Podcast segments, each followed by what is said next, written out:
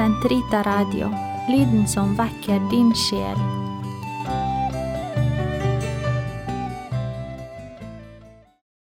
Hei og velkommen til Katolsk i hodet, episode 13, Den nye evangeliseringen. Mitt navn er Øyvind Evenstad, og dette er programmet der vi ser på ulike tema fra et katolsk perspektiv som bygger på tro og fornuft. Nå i fastetida er det mange som fokuserer på viktigheten av å gjøre gode gjerninger for andre, i tillegg til faste og bønn. Kirka har gitt oss en liste over syv legemlige barmhjertighetsgjerninger for å hjelpe oss å se hva vi kan gjøre for andre. Og de er som følger Gi mat til de sultne. Gi drikke til de tørste. Gi klær til de nakne. Gi husly til de husløse. Besøke de syke. Besøke dem som er i fengsel. Begrave de døde. Dette er syv måter vi kan gjøre noe godt for kroppen til andre på. Men det finnes også en liste over syv åndelige barmhjertighetsgjerninger, som forteller oss hva vi kan gjøre for sjelen til andre. Gi råd til de tvilende, undervise de uvitende, rettlede syndere, trøste de sorgfulle, tilgi fornærmelser, bære urett tålmodig, be for levende og døde. De åndelige barmhjertighetsgjerningene kan inngå i det som kalles evangelisering eller forkynnelse av evangeliet, og dette er noe som kan være fint å finne ulike måter å gjøre nå i fastetida spesielt. I dag vil jeg ta utgangspunkt i en artikkel om den nye evangeliseringa, som jeg skrev i forbindelse med helligkåringen av pave Paul 6. i oktober i 2018, altså for noen år siden nå. Men temaet er stadig relevant, og vil fortsette å være relevant så lenge Kirka har sin misjon fra Kristus om å nå hele verden med evangeliet. Artikkelen er publisert på nuk.no. Her følger artikkelen. Den 14. oktober i 2018 skulle pave Frans helligkåre den salige Paul 6. i Vatikanet. I den anledning var det passende med et lite tilbakeblikk på den apostoliske formaninga Evangelii Nunciendi, som pave Paul skrev og promulgerte i 1975. Dette var en formaning til større iver i den nye evangeliseringa, som allerede var blitt oppfordra til i dokumentene fra det andre Vatikankonsil 1962 1965. Ti år etter konsilet så paven at det fremdeles var noe som gjensto i kirkens streben etter å forkynne evangeliet til alle mennesker. I den dogmatiske konstitusjonen Lumen Gentium lærer konsilet at Kristus alene er midleren og veien til frelse. Derfor minnes Kirken Herrens bud om å preke evangeliet for all skapningen, Markus 16, 15, og den sørger for å yte misjonen aktiv bistand. I dekretet Ad Gentes lærer konsilet videre grunnen til at der skal drives misjon, ligger i selve Guds vilje. For Gud vil at alle mennesker skal bli frelst og lære sannheten å kjenne. 1. Timoteus 2,4 Alle kristne må ved sitt livs eksempel og ved sitt ords vitnesbyrd åpenbare det nye mennesket som de i dåpen har iført seg. For på den måten å virke som jordens salt og verdens lys. Matteus 5, 13-14. Pave Paul gjentok på mange måter dette budskapet, som ikke har forandra seg nevneverdig siden kirkens fødsel. Han slår fast i formaninga at evangelisering, dvs. Si misjon eller forkynnelse av evangeliet, det glade budskap, er en plikt som Kirken har fått seg pålagt av vår Herre Jesus, for at alle mennesker skal tro og bli frelst. Denne plikten tillater verken likegyldighet, religionsblanding eller en eller annen form for tilpasning for å være noen til behag. Jesus Kristus var sjøl den første og største evangelist, og han forkynte slik. Vend om og tro på evangeliet. Markus 1, 15. Vår Herre anså dette som en nødvendighet. Også i de andre byene må jeg forkynne det gode budskapet om Guds rike. Lukas 4, 43. Med misjonsbefalinga sendte Jesus sine apostler ut i verden som evangelister. Gå derfor og gjør alle folkeslag til disipler. Matteus 28, 19. Pave Paul skrev at denne befalinga gjelder alle kristne, om enn på forskjellige måter. Alle medlemmer av kirka, inkludert legfolket, kan og bør derfor gjøre Paulus ord til sine egne ved meg om jeg ikke forkynner evangeliet. Første Korinterbrev 9,16. Dette er legfolkets særskilte kall. Deres misjonsmark er den store og mangfoldige verden, som politikken, samfunnet og det økonomiske liv utgjør. Den er også den verden som består av kulturliv, vitenskap og kunst den internasjonale sameksistens og massemediene. Alt dette, alle disse områdene av livet, må altså bli gjennomsyret av evangeliets surdeig. Pave Paul påpeker videre at selv det mest glimrende vitnesbyrd i det lange løp vil være uten virkning hvis det ikke forklares og begrunnes. Og han siterer Peter. Vær alltid klare til forsvar når noen krever dere til regnskap for det håp dere eier. Peters første brev 3.15. Med dette antyder han viktigheten av apologetikk, dvs. Si trosforsvar, som en del av evangeliseringa. Det må alltid tas hensyn til menneskets rasjonelle natur, som krever overbevisning og grunner til å tro. Om apostlenes forkynnelse i det første århundret kan vi lese at Herren virket med og stadfestet ordet gjennom de tegn som fulgte. Markus 1620. Og Paulus diskuterte evangeliets sannhet med de epokreiske og stoiske filosofene på torget i Aten. Apostlenes gjerninger 1718.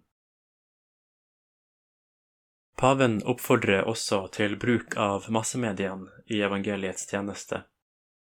Og dersom han hadde levd lenge nok til å oppleve internettets fremvekst, ville han nok ha oppfordra oss like mye til å bruke sosiale medier som Facebook, Twitter og Instagram. Dette er midler som gjør det mulig å nå frem til millioner av mennesker med det glade budskap, og Kirken vil gjøre seg skyldig i en forsømmelse hvis den unnlot å bruke disse effektive redskaper. Gjennom media kan vi rope ut fra takene, Matteus 10, 27, i overført betydning. Det faktum at du er i stand til å lese denne teksten på internett, eller høre den bli lest på en podkast, er i seg sjøl et vitnesbyrd om nytten av disse redskapene. Når Kirken gjennom sine representanter snakker om en ny evangelisering, handler det først og fremst om en evangelisering av mennesker som allerede er døpt i treenighetens navn, men som ikke lever sine liv i tråd med evangeliet. Den hellige pave Johannes Paul 2. klargjorde dette i en tale til den latinamerikanske bispekonferansen i 1983. Han påpekte at det nærma seg 500-årsjubileet for Columbus' oppdagelse av Amerika i 1492, og dermed også for starten på kirkens forkynnelse i den nye verden. Ved inngangen til det tredje årtusen hadde det imidlertid oppstått en situasjon som nødvendiggjorde en ny evangelisering av landområder som allerede var blitt kristna for flere århundrer siden. Pave Paul refererer til denne nye situasjonen som en utbredt avkristning av tidligere kristne land, og skriver at dette innebærer en utfordring for kirka. Det finnes i dag et stort antall døpte som ikke formelt har fornektet sin dåp, men som stiller seg likegyldig til den, og ikke lever i overensstemmelse med den. Det betyr at forkynnelsen av evangeliet i dag må rettes mot to ulike grupper. Ateistene og de vantro på den ene sida, og de passive kristne på den andre. Disse ikke-praktiserende medlemmene av kirka må inviteres tilbake til et åndsfylt liv i Kristus, nærhet gjennom hyppig mottagelse av sakramentene det er umulig for kirka å tilby verden noe den ikke har sjøl, og derfor kan den nye evangeliseringa sies å være den viktigste. Sjøl de av oss som anser seg sjøl for å være aktive eller praktiserende katolikker, bør stille seg følgende spørsmål. Tror du virkelig på det som du forkynner? Lever du ifølge din tro? er det du preker i pakt med ditt eget liv. Pave Paul skriver at det viktigste virkemiddel i evangeliets tjeneste er det vitnesbyrd som gis ved et ekte kristenliv. Derfor er det i dag behov for det vi kan kalle evangelisk katolisisme, en katolisisme som er i tråd med evangeliet som en forutsetning for at den nye evangeliseringa skal lykkes. Det er ikke tilstrekkelig bare å gå i messen hver søndag. En sann kristen bør være i stand til å si med Paulus, Jeg lever ikke lenger selv, men Kristus lever i meg. Galaterne 2,20. Alle pavene siden Paul 6. har gjentatt oppfordringa til iver i den nye evangeliseringa. I sin apostoliske formaning Kristi Fideles Laici fra 1988 skrev Johannes Paul 2. at jordeierens ord til arbeiderne i lignelsen Gå bort i vingården, dere også, Matteus 24, er retta til oss alle. Hvis mangel på engasjement alltid er uakseptabelt, er det enda mer slik i disse dager. Det er ikke tillatt for noen å forbli passive. Paven fortsatte i encyklikaen Redemptoris Missio fra 1990. Kristus forløserens oppdrag, som er betrodd kirken, er fremdeles veldig langt fra å være fullført. Mot slutten av det andre årtusen hadde kirkens oppdrag bare nettopp begynt. Med henvisninger til både Ad Gentes og Evangelii Nunciandi ønsket paven å invitere kirken til å fornye sitt misjonsengasjement. I forbindelse med feiringa av år 2000 skrev Johannes Paul 2. i det apostoliske brevet Novo Millennio Inuente at vi må se fremover. Vi må legge ut på dypet, Lukas 5,4, og stole på Kristi ord. I evangeliets tjeneste er det ikke tillatt å slå seg til ro i selvtilfredshet, ei heller å se seg tilbake. Ingen som har lagt hånden på plogen og så ser seg tilbake, er skikket for Guds rike. Lukas 9, 62. Paven anerkjente den triste sannheten om at realiteten av et kristent samfunn som eksplisitt vurderte seg selv ut fra evangeliets verdier, er borte i land som ble evangelisert for lenge siden og han gjentok kallet til en ny evangelisering, for å insistere på at vi må la oss bli fylt med gløden av den apostoliske forkynnelsen som fulgte pinsedagen. I motu proprio-dokumentet Obimque et semper fra 2010, som ledsaga opprettelsen av det pavelige råd for fremme av nyevangelisering, skriver pave Benedikt den 16. at Kirken, helt siden hun mottok Den hellige ånds gave på pinsedagen, har aldri blitt lei av å gjøre evangeliets skjønnhet kjent for hele verden, idet hun forkynner Jesus Kristus, sann Gud og sant menneske, i går og i dag den samme, hebreerne 13,8, som ved sin død og oppstandelse brakte oss frelse. Pave Benedikt bekrefta sine forgjengeres ord og understrekte at den nye evangeliseringen først og fremst forutsetter en konstant indre fornyelse.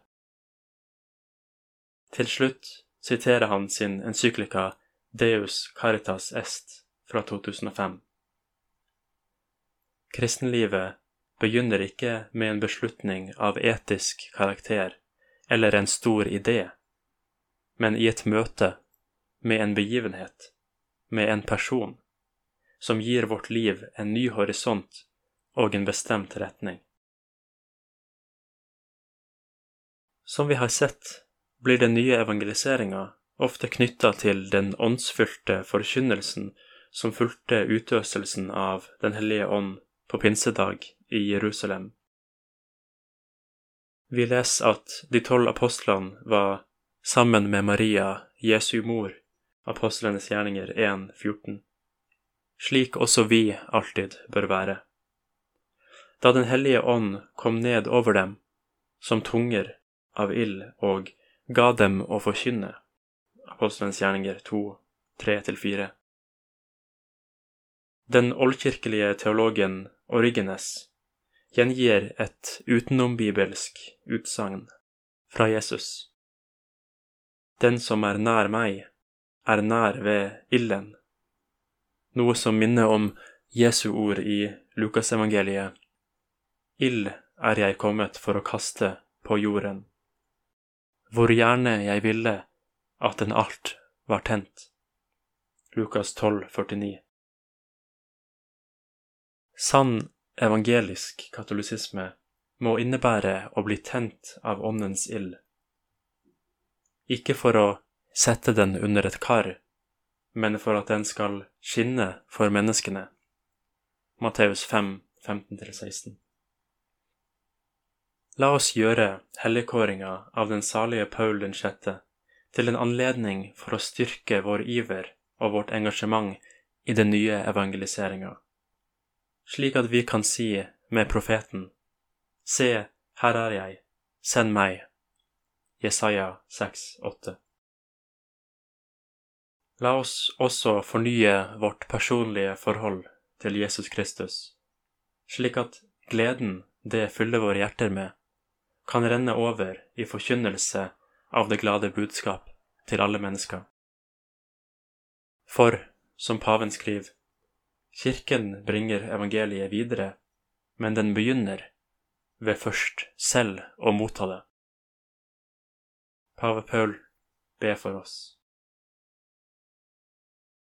Det var altså min artikkel om pave Paul den sjette, som nå er den hellige pave Paul den sjette, og den nye evangeliseringa fra 2018. Jeg håper du satte pris på den, og at den får deg til å tenke litt mer over hva det vil si å leve ut en evangelisk form for katolisisme. I den forbindelse kan jeg også anbefale ei bok fra 2014, Evangelical Catholicism, som tar opp mange av disse poengene. Mitt navn er Øyvind Evenstad, og dette har vært Katolsk i hodet. Til neste gang ønsker jeg deg som alltid ei velsigna uke, fortsatt god fastetid og på gjenhør.